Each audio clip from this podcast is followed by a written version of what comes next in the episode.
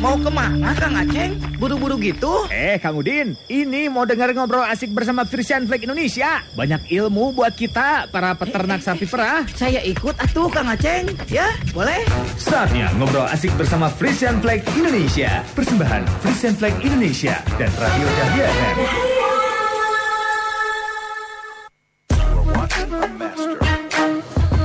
101,5 Goyang sik-asik Assalamualaikum wargi Dahlia Assalamualaikum kawan peternak semuanya. Gimana kabarnya malam hari ini? Mudah-mudahan semuanya sehat. Mudah-mudahan semuanya dalam keadaan bahagia juga. Amin ya.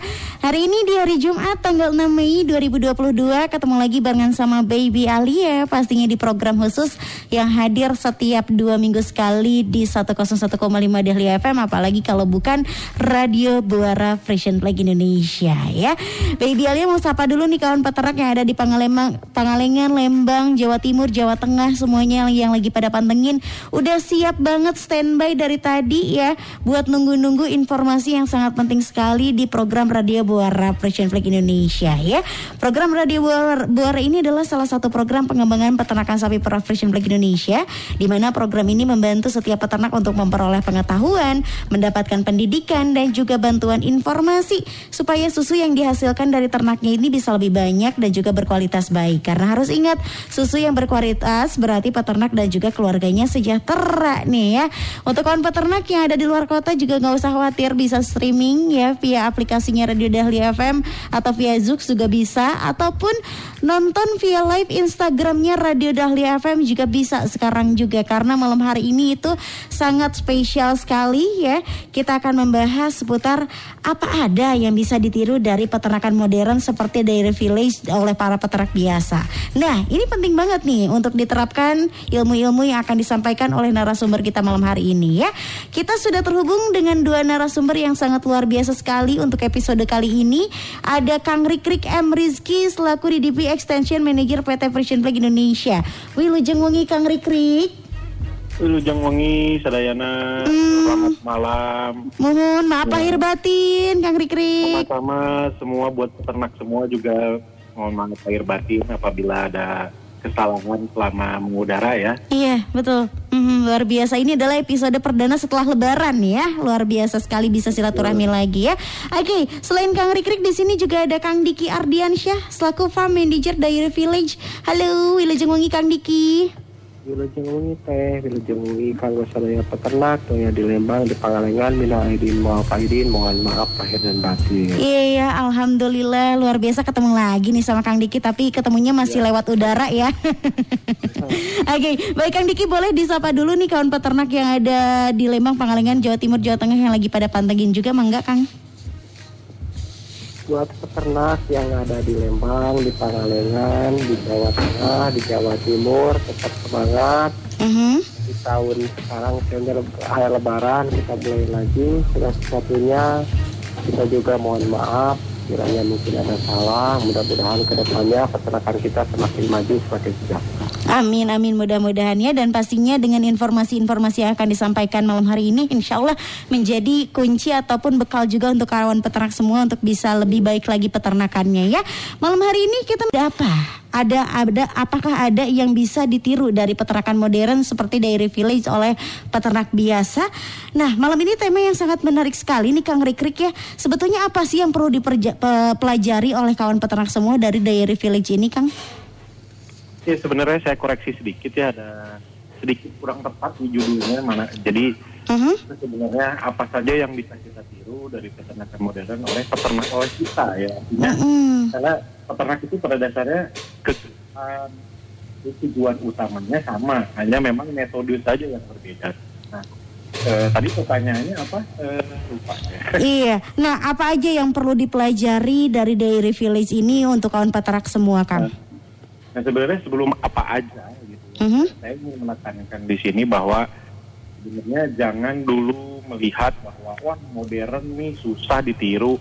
Sebenarnya enggak. Yang tadi saya katakan di awal bahwa pernikahan itu sebenarnya pada dasarnya sama. Tujuan utamanya tujuan akhirnya sama memproduksi apa namanya susu yang banyak efisien gitu ya hanya Hmm. memang metode apa sih yang bisa kita tiru dari peternakan modern tanpa kan kita harus eh, apa namanya meniru 100%. Makanya bahasanya sebetulnya bukan meniru tapi mengadaptasi. Mhm. Itu dulu sih sebenarnya yang perlu kita tanamkan mengadaptasi bukan meniru. Kalau meniru itu kalau meniru itu kan membuat semirip mungkin ya kalau Iya. meniru itu. Mhm. Kalau mengadaptasi itu tidak gitu. Kalau meniru itu misalkan si A membuat membuat payung warna merah gitu Mhm. dan seterusnya dengan bahan A. Kalau meniru ya dia meniru sebisa mungkin eh, warnanya sama, bahannya sama. Tapi kalau mengadaptasi dia yang penting konsepnya adalah melindungi dari hujan, makannya tahan air gitu ya. Mhm. Itu dah warnanya apa, bahannya apa terserah. Yang penting konsepnya itu diadaptasi gitu. Nah apa saja yang bisa diadaptasikan itu sebenarnya eh, kita bisa bahas ke depan ya. Karena yang paling intinya adalah bagaimana tata caranya, tata cara dan bagaimana eh, peternakan modern itu mengelola supaya efisien itu sih itu. Oke, efisiensi dari segi pekerjanya juga mungkin ya bisa seperti itu ya Kang ya. Hmm, Oke, Kang Diki. Kang Diki sebagai farm manager Dairy Village ini boleh diceritakan nggak sama kawan peternak semua berapa produksi susunya sekarang dan juga berapa peternak dan pekerja yang terlibat di sana, Kang? Di kami eh, sapinya coba sedikit ya, kurang lebih sekitar 100 lebih, 100 Mhm. dikelola oleh bagian yang khusus eh, di laktasi itu empat orang, Mhm. bagian pedet dan satu orang, dan security empat orang, terus eh, cleaning service satu orang. Mhm, Oke, untuk Kalau produksi susunya sendiri? Rataan di kami karena istilahnya dengan kondisi sekarang ya, kita pasti bisa posisi di 20 liter. Wow, oke luar biasa ya. Oke, ini pastinya untuk kawan peternak untuk mengenal lebih jelas lagi seputar tema kita semalam hari ini seperti apa. Mungkin kita akan dengarkan terlebih dahulu mini drama persembahan dari Bawara Brand Indonesia sebelum kita lanjut lagi pembahasannya bersama dengan Kang Rikrik dan juga Kang Diki. Jadi jangan ke mana-mana, kita pantengin dulu ini dia mini drama persembahan dari Radio Bawara Flag Indonesia. 101,5 Dahlia FM. Dahlia FM. Dahlia FM.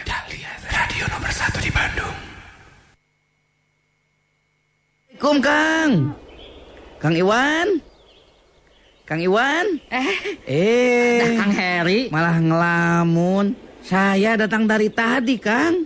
Sampai nggak dengar ini. Punten, saya sampai nggak dengar datangnya tadi. Maklum, aduh, ini teh lagi banyak yang dipikirin. Kang Heri dari mana, Ari Akang? Dari rumah. Iseng aja ini mah Kang mau main ke sini. Mau lihat sapi-sapinya Kang Iwan. Soalnya denger-dengar Kang Iwan teh mau nambah sapi. Bener kan? Tadinya sih mau nambah istri, eh bukan, mau nambah sapi bener sih. Pengennya sih begitu, nambah sapi. Peternak mana tuh Kang yang nggak mau usahanya tambah besar, ya kan? Tapi dah setelah dipikir-pikir ternyata nggak semudah itu ya. Banyak yang harus dihitung. Duh, banyak yang harus dipikirin lebih panjang lagi. Misalnya apa aja Kang? Ya, misalnya, saya misalnya jadi nambah sapi, tapi tenaga saya nggak akan cukup untuk memerah susu dan juga ngarit rumput. Udah gitu, lahan rumputnya juga udah nggak cukup lagi sekarang teh. Duh, belum lagi kita kan juga harus punya waktu buat ngamatin sapi dan juga kandangnya. Terus iya analisa bisnis coba kan, gimana coba? Harus mengembanginnya kan nggak main-main. Aduh, banyak lain lah yang lainnya juga. Baru kebayanginnya aja, udah pusing duluan saya teh. Kenapa nggak coba pakai bantuan teknologi atuh Kang? Misalnya teh kayak mesin perah, aplikasi sapi perah, silase, dan lain-lain Kang. Bisa dicoba itu teh. Dan kabarnya teh bisa ngebantu banget. Ah, masa sih Kang? Saya mah takutnya teknologi malah bikin ribet. Udah gitu kan pasti biaya mahal. Biayanya kalau pakai teknologi teh, ya tahu sendiri. Ya nggak sih? Ah itu mah karena Kang Iwannya teh belum terlalu paham bagaimana caranya memanfaatkan teknologi. Jadinya belum-belum udah takut duluan. Kan bisa belajar atuh Kang. Bisa juga minta tolong bantuan dari penyuluh koperasi atau teman-teman peternak kita yang udah duluan pakai. Atau kalau enggak, kita teh bisa belajar langsung di Dairy Village, Kang. Datang ke sana, terus belajar langsung di sana. Pasti bisa, Kang. Prinsipnya mah ya, kalau nggak dicoba, mana tahu susahnya di mana dan gimana solusinya. Hmm, bener juga ya. Kalau terus-terusan takut atau khawatir, kapan kita belajar dan berkembangnya ya? Nah gitu dong Kang. Hayu atuh. Kalau mau tanya-tanya ke penyuluh atau mau belajar langsung ke Dairy Village, saya temenin deh Kang. Sekalian saya juga mau belajar. Jadi kalau suatu saat modalnya sudah punya, saya juga bisa langsung eksekusi Kang. Siapa tuh? Akur Kang, mun kitu mah. 101,5 Dahlia FM. Dahlia FM. 101,5 Dahlia FM Bandung Goyang si kasih masih di Radio Bawara Frisian Flag Indonesia. Ya malam ini temanya sangat menarik sekali ya karena kita membahas seputar peternakan modern ya. Dairy Village yang pastinya yang harus dia menjadi antusiasnya kawan peternak semua untuk bisa menghadapi masa depan peternakan yang jauh lebih sejahtera lagi ya. Pastinya kita juga masih terhubung dengan Kang Rikrik dan juga Kang Diki di sini. Kang Diki juga sudah uh, apa namanya sudah sedang kita coba hubungi kembali. Ini wargi Dahlia dan juga kawan peternak semuanya. Tapi sebelumnya Baby Alia mau kasih tahu dulu nih untuk kawan peternak semuanya. Fakta unik atau fakta menarik di Radio Bora Fashion Flag Indonesia ini kalau ternyata saat ini produksi susu sapi perah lokal baru bisa mencapai rata-rata 10 liter per ekor per hari padahal dengan penerapan manajemen peternakan yang baik dan benar serta memanfaatkan kemajuan teknologi seekor sapi perah itu bisa memproduksi susu hingga 20 liter per hari setuju dengan fakta yang seperti ini Kang Rikrik? Oke, halo? Sudah terhubung dengan Kang Ya, Rikrik? halo, halo. Iya, oke. Setuju Kang Rikrik dengan fakta yang Baby Alia barusan sebutkan bahwa dengan memanfaatkan teknologi seekor sapi perah ini bisa memproduksi susu hingga 20 liter per hari, Kang. Ya setuju sekali dengan catatan cara menghitung produksinya yang tepat ya. Mhm. Artinya eh, produksi susu itu bisa dibilang rata-rata itu kita hitung dulu satu laktasinya. Mhm. Satu satu putaran laktasi itu totalnya misalkan berapa ribu liter dibagi 305 hari ketemulah rata-rata. Jadi bukan eh, produksi eh, pada saat puncak laktasi gitu. Karena sering kali teman-teman di lapangan kalau ditanya ini sapi berapa produksinya oh ini bisa 20 liter pak padahal Mhm. 20 liter itu pada saat puncak laktasi gitu kalau kita totalkan secara, total satu laktasi mungkin tidak segitu kita Mhm. Oke, berarti bukan hanya memanfaatkan kemajuan teknologi, tapi penerma- penerapan manajemen peternakannya juga harus tepat ya. Mhm. Oke, baik. Kang Diki sudah terhubung kembali dengan kita, Kang. Oke. Ah, Oke baik, tapi sebelumnya Baby Alia juga undang untuk kawan peternak yang mau bertanya, boleh silahkan kirimkan pertanyaannya via WhatsApp di 0811 222 1015. Nanti di akhir acara akan dipilihkan satu penanya peternak terbaik ya, nanti akan mendapatkan hadiah juga persembahan dari Frisian Flag Indonesia. Kang Diki tadi di awal sempat menyinggung eh, tentang produksi susu yang lumayan tinggi ya di Dairy Village ini. Boleh dikasih tahu nggak sama kawan peternak yang ada yang lagi pada mendengarkan malam hari ini, gimana sih caranya supaya sapi lokal ini bisa produksi susu yang tinggi dan gimana hanya dengan empat orang pekerja aja bisa mengelola sampai 100 ekor sapi perah itu Kang? Ya. Jadi seperti ini teh sebenarnya di peternakan itu tidak hanya di peternakan modern atau di peternakan rakyat pada biasanya. Kita itu semua itu ser- serba terbatas. Terbatas dalam pakan, terbatas dalam segi pemeliharaan, terbatas juga dalam keuangan, terbatas juga dalam hal seperti pencatatan. Mhm. Salah satunya mungkin di kami salah satu mungkin yang bisa diterapkan adalah satu dulu pencatat. Pencatatan itu penting sekali. Untuk 1 sampai 10 ekor mungkin kita masih bisa nginget-nginget sapinya. Tapi kalau udah sampai 100 lumayan berat juga ngingetnya. Iya. Artinya kita bantu dengan teknologi. Kita pakai bentuk aplikasi yang memudahkan untuk recording, untuk pencatatan. Terus yang kedua, keterbatasan itu kalau sapinya banyak, yaitu keterbatasan dalam hal pakan. Berarti harus sediain dalam jumlah besar. Mhm. Tantangannya dengan segala kondisi seperti sekarang, jangankan cari rumput, misalkan dalam jumlah banyak lahannya juga nggak ada, Iya. mau tidak mau salah satunya kita harus coba untuk bisa bertahan salah satunya bisa pakai pengawetan pakan lase ataupun yang lainnya terus keterbatasan dalam hal tenaga kerja kalau kebayang merah misalkan satu orang misalkan 10 dengan manual nggak kebayang beresnya kapan Iya iya. juga kualitasnya nggak baik. Salah satunya yang harus peternak lakukan yaitu dengan menggunakan teknologi seperti mesin perah. Dengan dengan istilahnya bantuan-bantuan inovasi dari luar, halnya yang seperti teknologi mesin perah, terus pengawetan pakan, Mhm. terus pencatatan, saya yakin bahwa peternak biasa juga bisa. Jadi kita jangan lihat bangunannya, Mhm. jangan lihat besinya, jangan lihat seperti wah ini ini ini kita juga bisa Iya. lihat itu caranya. Mhm. Mengadaptasikan caranya ya luar biasa. Jangan lihat bangunannya, bangunannya tapi lihat caranya. Mhm, Oke baik ya. Oke sebelum dilanjutkan oleh Kang Rikrik, eh, punten banget Kang Diki untuk volume radio dari da- Kang Dikinya boleh dikecilin sedikit ya. Iya. Iya baik ya. Kang Rikrik tadi banyak sekali yang disampaikan oleh Kang Diki ya mengenai penjelasan efisiensi dengan empat orang pekerja saja bisa mengelola 100 ekor sapi perah. Ada yang mau ditambahkan dari sisi Kang Rikrik? Ya kalau saya simpulkan sih pada dasarnya bagaimana kita bisa berstrategi berdasarkan data yang kita analisa Mhm. gitu ya. Data yang dianalisa itu kan sebetulnya sebelum dianalisa harus dikumpulkan kan ya gitu. Iya iya. Nah tadi itu seperti Kang Diki bilang ada keterbatasan macam-macam.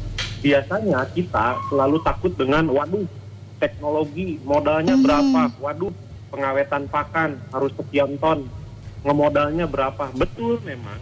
Tapi manakala kita mempunyai data yang otentik gitu ya, yang akurat, Mhm. kita hitung nih, oh ternyata pemasukan kita segini, kita bisa menabung sekian, tabungan ini kita bisa pakai untuk eh, beli mesin perah nyicil misalkan, atau Iya. bisa beli eh, apa namanya pakan untuk ditabung untuk sekian bulan. Memang di awal Mhm. kita akan mengeluarkan modal cukup besar misalkan, tetapi dalam jangka sekian bulan kita akan tenang gitu dalam Mhm. jadi pada saat peternak lain berebut kita sudah ada biasanya pada saat berebut itu kan harganya mahal tuh biasanya gitu. Iya iya iya iya. Nah, sementara kalau kita sudah menabung, memang di awal kita ngeluarin besar, tetapi pada saat berebut eh, kita mendapatkan harga yang murah karena kita sudah nabung di awal. Dengan demikian, kalau kita hitung secara total, misalkan setahun, itu jatuhnya akan lebih murah gitu. Begitupun tadi dengan teknologi.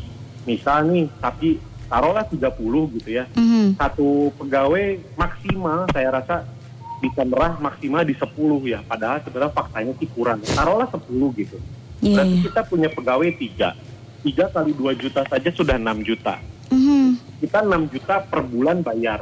Dan Sementara kalau memang harus kita beli mesin perah 2 unit misalkan, kita sekali ngeluarin 30 juta memang. gitu. Iya iya. Tetapi 30 juta itu akan menjadi balik modal selama lima bulan saja dengan kita menggaji karyawan tiga orang memang dengan punya teknologi juga bukan berarti tanpa tenaga kerja ya Iya. tetapi tenaga kerjanya akan lebih minim gitu Mhm. di situlah eh, hal-hal kesimpulan seperti itu kita bisa pastikan kita bisa percaya diri memutuskan manakala kita punya dasar data yang kita analisa secara reguler. Tidak perlu tiap hari misalkan tiap sebulan dua bulan. Gitu. Mhm. karena koperasi sendiri sebetulnya untuk teman-teman peternak yang bergabung dengan koperasi sudah sangat beruntung menurut saya. Karena koperasi setiap bayaran susu itu menyediakan truk bayaran namanya. Truk bayar di dalam truk bayaran itu sebetulnya gambaran finansial setiap peternak itu sudah ada tuh Oh, sebenarnya gitu oke. Mhm. sehingga kita menyimpulkan saja dan jangan keliru menyimpulkan jangan lupa gitu Mhm. karena kadang misalkan nih di dalam truk bayaran ada namanya simpanan-simpanan ya yang peternak tabung di koperasi. Eh, dia rata kadang-kadang peternak suka menghitung oh sisa akhirnya saja. Misalkan Mhm. dari lima ekor saya cuma dapat 3 juta. Mhm. Padahal simpanan dia dalam satu bulan 3 juta juga. Mhm. Nah, harusnya simpanan itu kita masukkan ke dalam pemasukan. Artinya di pemasukan kita per bulannya itu bukan 3 juta melainkan 6, Enam, tetapi ya, 3 ya. jutanya dalam bentuk simpanan gitu. Nah, Mhm. hal-hal seperti itu sebetulnya bisa langsung dilakukan karena koperasi sudah menyediakan figur finansial setiap peternaknya setiap periode bayaran kayak gitu. Mhm, Oke baik ya. Kang Diki seperti yang barusan disinggung sama Kang Rikrik ya Kalau memang kalau berhubungan sama teknologi Takutnya kan peternak udah swak duluan gitu ya. Aduh itu mah mahal dan juga rumit Atau juga bahkan ada yang berpikir ribet gitu ya. Nah kalau dari pandangan Kang Diki sendiri seperti apa Kang? pada dasarnya segala sesuatu itu di kita itu punya ketakutan sendiri ya kadang Betul eh, punya kayak misalkan penggunaan mesin perah aja Mhm. kadang kita itu suka ditakut-takutin. Kenapa? Karena kita tidak tahu. Mhm. Ya, tapi kalau sudah mau, istilahnya sudah tahu, terus kita mau, insya Allah pasti mampu. Yang penting itu berani mencoba. Kenapa? Kalau tidak mau mencoba, dan eh, istilahnya kapan bisa bertahan? Kapan bisa Betul. Kita bisa meningkatkan pendapatan? Kapan kita bisa meningkatkan kesejahteraan? Mau tidak mau, kalau kayak peternak, pengen lihat pendapatan lebih, tapi harus lebih, tapi terbatas dengan kemampuan, terbatas dengan keadaan. Tapi kita harus kita jangan menyerah dengan keadaan tersebut karena ada solusinya salah satunya dengan penggunaan teknologi. Mhm. Oke, baik betul Juga sekali ya. mencoba. Mhm. Apalagi Dan zaman itu cepat berubah ya. Masalah dalam arti nanti suatu saat nanti juga bisa dengan sendirinya. Iya benar. Bagaimana kita tahu kalau kita belum mencobanya? Jadi lakukan semuanya secara bertahap. Iya benar. Oke, luar biasa sekali ya. Ini juga ada beberapa para peternak yang sudah mulai bertanya di 08112221015. Mungkin sesaat lagi kita akan bacakan. Jadi jangan ke mana-mana untuk kawan peternak semuanya. Masih tetap di Radio Bawara Frisian Play Indonesia. Mungkin kalau untuk kawan peternak liriknya diganti kurela merah dari pagi sampai pagi. Jangan dong ya karena sekarang sudah ada kemajuan teknologi. Jangan sampai memerah dari pagi sampai pagi lagi nggak ada waktu istirahat, nggak ada efisiensi. Keuntungan masih di situ-situ aja. Setuju nggak Kang Rikrik? Kang Rikrik sudah terhubung dengan kita kembali ya dan pastinya juga nanti kita akan terhubung juga dengan Kang Diki Tiki tapi sebelumnya juga untuk wargi Dahlia nih yang mau ikutan kuis ya persembahan dari Prison Break boleh langsung telepon ke 73028 karena ada hadiah persembahan dari Prison Break Indonesia ya jadi buat wargi Dahlia yang mau ikutan kuisnya di 73028 ada siapa? Halo Radio Bawara Prison Break Indonesia Asik atuh ah, ya. Halo, sama siapa ini? Sama Teh Yati. Teh Yati. Oke, Iya, Kak siap. Baby. Teh Yati siap ya pertanyaannya ya, gampang banget. Coba, kenapa sapi lokal bisa produksi susu tinggi? Salah satunya karena apa? Eh, Karena kemajuan apa? Karena kemajuan teknologi yang tinggi, Yang canggih. yang canggih. Ah, ah. terus ada lagi nggak tambahan jawabannya? Apa ya tuh teh? Iya. Eh, pokoknya mah karena teknologi yang tinggi, terus Mhm. eh, disertai dengan Manajemen. ya, manajemen yang tepat, terus Mhm. eh, adanya tenaga-tenaga kerja yang profesional. Siap. Oke, gimana kasih aja nggak Kang Rikrik hadiahnya? Masih lah. Boleh lah Cene ya siap hadiahnya bisa diambil ke Radio Dahlia di jam kerja Ya, terima kasih Kak Baby Ayah. Sama-sama Panteng Radio. Bikin juga panteng dahlia, enak-enak lenggamnya, tung. Ah, gaga-gaga ya. Oke baiklah. Ini pertanyaan juga dari kawan peternak yang sudah masuk ke WhatsApp. Sudah banyak sekali ya.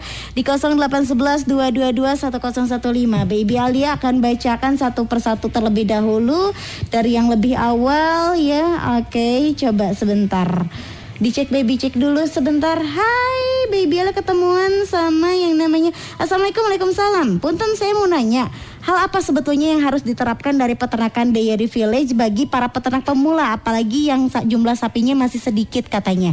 Dari Kang Asep Nanu baru Nagri. Boleh dari Kang Rikrik terlebih dahulu sebelum nanti kita ke Kang Diki. Masih coba kita hubungi silahkan Kang Rikrik. Ya memang mengadaptasi suatu eh, metode ya atau Mhm. manajemen terutama sapi perah itu agak berbeda ya untuk setiap jumlah eh, sapi perah kayak gitu. Mhm. Jadi eh, itu secara secara aktual, secara realnya ya.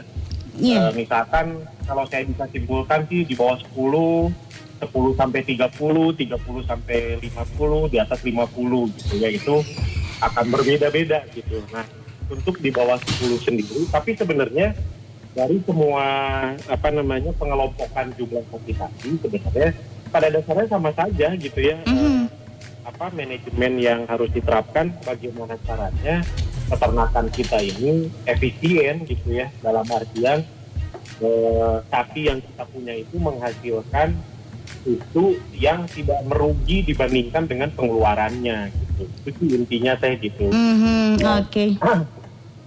Gitu Baik. sih. Penerapan secara pastinya sih kayak misalkan tadi kalau di Dairy Village menggunakan rumah perah ya Mhm. yang bisa sekali perah 12 ekor. Ya yang punya sapi di bawah 10 nggak perlu lah seperti itu gitu. Mhm. Eh, cukup pakai mesin perah portable misalkan gitu ya. Eh, tapi tapi kalau kita bicara di bawah 5 misalkan sapinya itu belum perlu menurut saya menggunakan mesin perah gitu. Nah itu hal-hal seperti itu yang yang memang eh, harus kita baca satu persatu ya Eh, tidak bisa disamaratakan secara secara nyata eh, apa yang dilakukan dari village ditiru secara sekaligus makanya yang tadi saya sebut sekali lagi bukan meniru ya tapi Mhm. mengadaptasi gitu Mhm, Dan disesuaikan dengan kebutuhan dari masing-masing peternak juga ya. Ya, Oke. harus dari bawahi ya adaptasi bukan meniru tadi ya dari Mhm. village punya mes- rumah perah yang sekali perah 12 Mhm. Kang Nanu punya sapi 10 beli rumah perah ya rugi yang ada masih tapi cukup dengan misalkan eh, apa mesin perah yang portable misalkan gitu kan. Itu sama-sama teknologi tetapi adaptasinya berbeda. Mhm, Oke, kalau dari Kang Diki ada tambahan mengenai pertanyaan dari Kang Asep Nanu. Ini kalau hal-hal yang harus diterapkan peternak Dairy Village bagi para peternak pemula yang eh, jumlah sapinya masih sedikit, Kang. Banyak yang bisa diterapkan. Salah satunya da- tadi istilahnya pas dari awal saya itu jangan lihat bangunannya jangan lihat itu tapi lihat caranya. Cara itu istilahnya minimal kita asal mau tahu dulu. Mhm. terus nanti udah tahu kita mau untuk mencoba. Salah satunya misalkan untuk penggunaan mesin perah atau kita mau pengawetan pakan atau belajar seperti pencatatan jangan sampai misalkan kita ah karena sapinya sedikit semua serba diingat Mhm. jadi nggak ditulis Mhm. minimal mau mencatat terus apa yang kira-kira cocok di kita Mhm. banyak referensi yang bisa digunakan. Ada ke penyuluh, bisa lewat Google, Mhm. bisa juga lewat ke peternak-peternak lain yang sudah menggunakan. Mhm. Oke, baik ya. Sharing. Oh iya siap ya. Oke, ini juga ada pertanyaan dari siapa? Ini ada Kang Odi bin Ili dari TPS 10 TPK Cibodas KPSBU Lembang. Pengen tanya sama Kang Diki katanya di peternakan Dairy Village ini cara mengatasi kekurangan rumput juga kekurangan air, terutama saat musim kemarau itu seperti apa? Seperti halnya kami para peternak kecil itu adalah salah satu masalah yang sangat sulit sekali untuk diatasi nih setiap musim kemarau katanya Kang. Mm. Untuk eh, jangankan di kita ya, Mhm. di luar negeri aja, contoh misalkan kayak di Belanda, mereka ada musim salju, Iya. ada musim dingin di mana rumput itu tidak tumbuh. Tapi bagaimana caranya mereka bisa bertahan bahkan swasembada susu satu Uni Eropa? Salah satunya, kenapa mereka menyediakan stok pakan? Di kita pas waktu musim hujan banyak rumput, tapi kebanyakan di kita digunakan ya pas waktu itu aja. Pas musim kemarau, misalkan kita bahkan cari alternatif pakan yang lain, kita jerami, kita pakai yang lainnya juga, pokoknya seadanya. Sebenarnya salah satu yang bisa kita gunakan itu salah satunya kita mengadopsi seperti itu. Dengan semua serba terbatas itu bukan suatu kendala, tapi jadikan suatu tantangan. Bagaimana cara kita menyikapinya? Kita punya 10 ekor, tapi pakan tersebut kita hanya tersedia buat 5. Berarti secara tidak langsung kita harus berpikir, kita harus menyediakan stoknya berapa. Itu tidak susah seperti salah satunya untuk pakan bisa menggunakan pengawetan. Untuk air minum, sebenarnya buat eh, sapi itu lebih baik minum menurut saya daripada dimandikan. Mandikannya setelah aja. Soalnya mau tidak mau memandikan itu butuh air yang banyak. Kalau Iya. air minum itu seharusnya mesti selalu ada. Cara yang bisa digunakan oleh peternak bisa menggunakan sistem bak kontrol. Atau yang sederhana.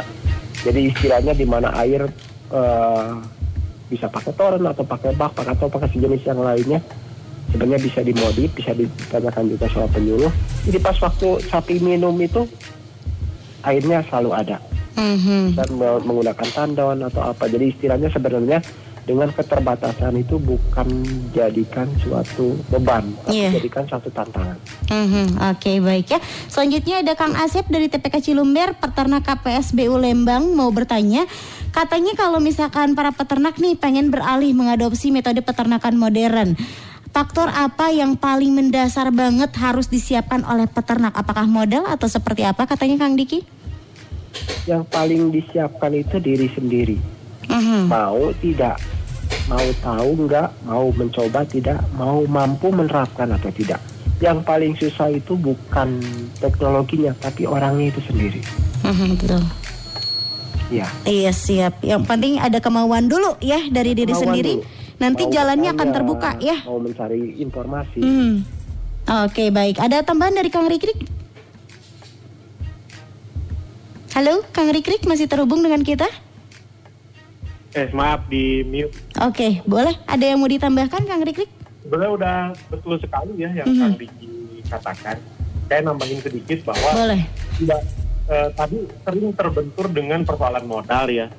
Nah, makanya eh, tidak perlu sekaligus Kang gitu. Nah, banyak sekarang peternak-peternak di KPSDU Lembang, di Pangalengan, di Jawa Timur juga ada banyak sekarang yang sudah mulai beranjak. Mhm. Jadi sebenarnya bertahap saja gitu. Misal nih, sekarang sudah banyak peternak yang menerapkan sistem air minum yang tidak terbatas untuk sapi. Terus sudah banyak peternak yang membeli mesin perah. Mhm. Sudah banyak juga peternak yang mulai memikirkan kenyamanan untuk sapinya dengan merenovasi kandang. Nah itu tahapan-tahapan sebenarnya Kang. Iya. Agar modal yang kita keluarkan tidak sekaligus besar gitu. Nah nanti asalkan direncanakan Kang misalkan lima tahun ke depan eh, atau satu tahun ke depan mau mem- mem- membuat instalasi air minum. Nah, nanti tahun depan teh sudah terbangun misalkan ya air minum yang tidak terbatas. Punya rencana lagi eh, tahun berikutnya apa? Misalkan eh, menurunkan tempat pakan. Terus bertahap Kang, asalkan kita punya target gitu ya. Misalkan nanti saya pokoknya pengen misalkan dalam 20 tahun ke depan kandang saya harus bisa seperti ini.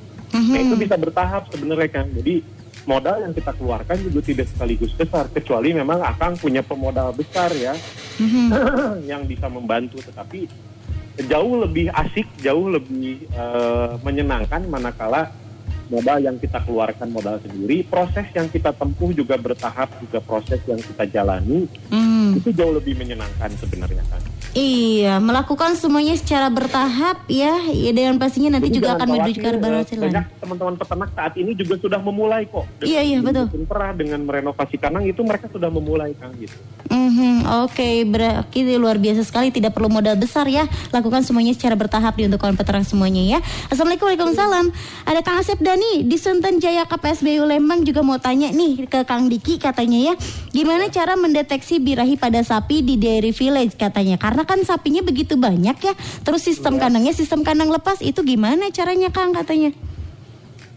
Kalau sistem pristoh itu bisa lebih kelihatan. Kenapa? Karena tidak diikat, tapi sapi itu kelihatan. Apalagi posisi di kami secara tidak tidak lain kalau pakan itu di kami istilahnya eh, adlib ya, Mhm. sama dengan seperti minum. Jadi kalau sapi yang istilahnya birah itu kelihatan berbeda. Kenapa? Karena eh, performan atau eh, perilakunya itu menunjukkan berbeda.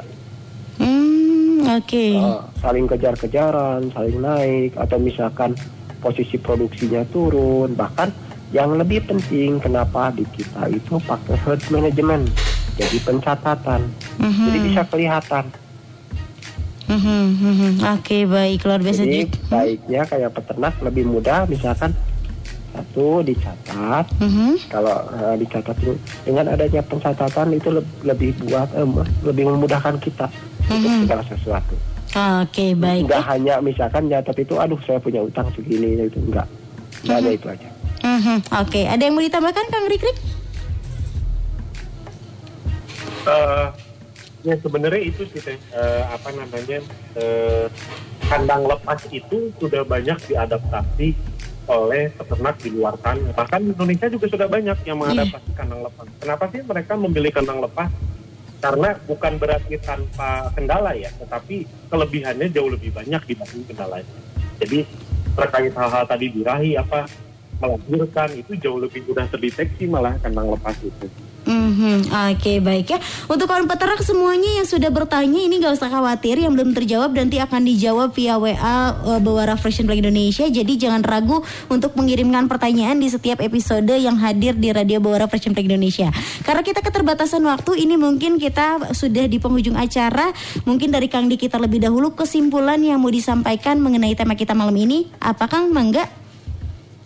Untuk para peternak semuanya yang ada di Lembang, yang ada di Pangalengan, Jawa Tengah, dan Jawa Timur, jangan takut untuk mencoba akan teknologi yang baru. Kita itu nggak sendiri, ada yang sudah mencoba. Kita ada referensi, bisa dari Google, dari penyuluh juga, bisa bertanya langsung. Minimal kita sudah mulai membuka diri. Jadi Mhm. tidak pasrah dengan keadaan yang ada. Mhm. Seperti itu. Oke baik, kalau dari Kang Rikrik kesimpulan terakhir yang mau disampaikan kepada kawan peternak apa Kang? Ya kalau dari saya ada dua ya. Eh, tadi banyak ditanyain modalnya gimana, modalnya gimana. Jadi Mhm. pertama yang saya ingin saya garis bawahi adalah kita itu melakukan investasi ya, tuh. Bukan investasi itu bukan sekonyong-konyong mengeluarkan modal di awal secara besar tidak. Iya iya. Investasi itu diperhitungkan. Jadi kapan kita akan mengeluarkan, misalkan lima tahun lagi, yaitu kita persiapkan. Gitu. Jadi kalau tidak dilakukan secara investasi itu namanya belanja ya. Mhm. Nah, kalau kalau dengan investasi kita rencanakan, kita tabung dulu pada saat kita sudah waktunya, kita bisa apa namanya? Kita tidak berasa besar gitu ya pengeluarannya. Dan Mhm. juga dihitung ya, dievaluasi berdasarkan data-data yang kita catat gitu. Eh, misalkan hitung perah apa sih keuntungannya, eh, mengeluarkan tenaga kerja berapa dan sebagainya. Selain itu di, di, di, di, di model peternakan seperti ini juga bukan hanya teknologi ya. Tadi kita nyebut-nyebut teknologi-teknologi Mhm. tetapi juga hal-hal sederhana seperti pemeliharaan pedet kenyamanan sapi gitu. Itu juga bisa ditiru kang gitu. Jadi kenyamanan sapi itu lebih identik dengan kandang ya. Bukan berarti kandangnya harus seperti itu tidak. Tapi konsepnya ditangkap Mhm. bisa ngobrol dengan Kang Diki. Konsep kandang seperti ini apa sih kelebihannya? Satu udara. Dua cahaya.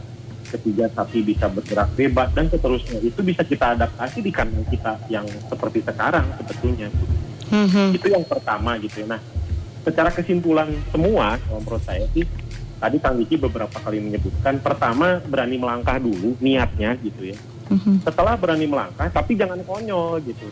Pelajari ini penting gitu Mhm. Manakala kita mau melangkah, ah saya mau pakai kilase, ah saya mau pakai mesin perah, pelajari dulu apa itu kekurangan kelebihannya. Setelah dipelajari, dimodifikasi. Misalkan dari village pakai eh, kilase dengan metode bunker, nggak mungkin lah yang punya sapi 10 pakai bunker buat apa gitu. Iya iya. Modifikasi dengan menggunakan tong misalkan. Mhm. Setelah dimodifikasi, diadaptasi tadi yang saya bilang. Tapi jangan lupa setelah diadaptasi se- secara berkala kita evaluasi apakah ada perubahan signifikan atau tidak di kita. Kalau ada teruskan kembangkan. Nah saya sih ada contoh sederhana ya. Mhm. Eh, tiga bulan lalu saya beli beli kulkas baru nih ceritanya gitu ya. Iya. Eh, pada saat itu terjadi perdebatan gitu. Ngapain kulkas lama juga masih jalan gitu. Eh, dari keluarga. Kulkas baru itu mahal gitu. Itu kan mindset kita di awal sama seperti tadi ya. Ngapain beli mesin perah? Kita merah tangan bisa. Mhm. Alhamdulillahnya saya selalu mencatat itu kulkas saya yang lama dipakai 10 tahun, saya Mhm. sudah mengeluarkan biaya perbaikan berapa? Oke. Lalu listrik yang saya habiskan per bulan untuk kulkas ini berapa? Mhm. Karena kulkas yang lama yang saya pakai itu menggunakan teknologi listrik yang lama, Mhm. artinya lebih boros. Setelah saya hitung, oh ternyata eh, apa namanya kulkas baru ini jauh lebih efisien gitu. Mhm. Kalau saya beli walaupun harganya mahal, setelah itu baru saya putuskan saya beli. Tapi saya beli juga saya pakai metode investasi tadi, tidak sekonyong-konyong saya datang ke toko saya beli, enggak. Mhm. Saya siapkan uangnya dulu selama enam bulan, baru saya beli gitu. Mhm. Setelah itu saya evaluasi lagi, benar nggak kulkas baru itu lebih hemat? Setelah tiga bulan dipakai, oh iya benar. Artinya langkah yang saya ambil itu tidak salah. Itu sih salah satu contoh kecil sebenarnya. Mhm. Kalau saja saya tidak punya catatan tadi, saya akan seperti berjalan di gua tanpa lampu. Iya iya betul betul. Pilihannya dua, tidak beli, artinya terus-terusan boros, Mhm.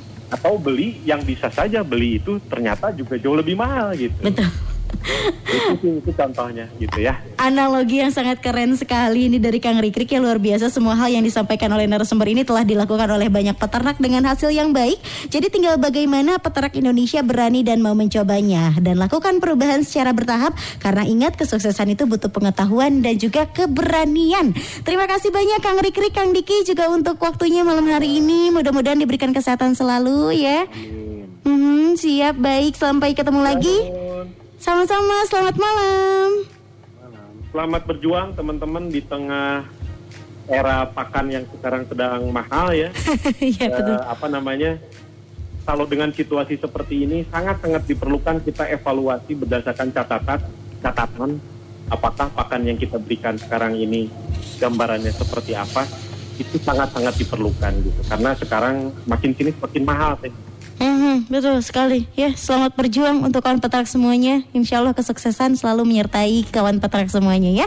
Kang Rikrik, terima kasih banyak. Selamat malam, sehat selalu beserta keluarga. Assalamualaikum. Waalaikumsalam. Begitupun Kang Diki, selamat malam. Baik, luar biasa sekali itu dia tadi obrolan kita bersama dengan dua narasumber yang begitu luar biasa memberikan informasi yang sangat bermanfaat sekali untuk kawan peternak semuanya ya. Tunggu lagi kehadiran Radio Buara pada tanggal 20 Mei 2022. Semoga pembahasan kita kali ini ya bisa diserap dan bermanfaat untuk kawan peternak semuanya. Ajak juga peternak lain untuk mendengarkan Radio Buara serta membaca tabloid Buara di koperasi terdekat dari kawan peternak semua ya. Kalau dari kawan peternak Baby Ali juga akan pilihkan satu pemenang yang akan mendapatkan hadiah persembahan dari Frisian Black ya. Selamat untuk Odi bin Ili dari TPS 10 TPK Cibodas KPSBU Lembang. Hadiahnya bisa diambil di koperasi terdekat ya. Sampai bertemu kembali nanti di dua minggu yang akan datang di Radio Buara Frisian Black Indonesia. Sukses selalu untuk kawan peternak semuanya. Kang Udin, Kang Udin. Mo.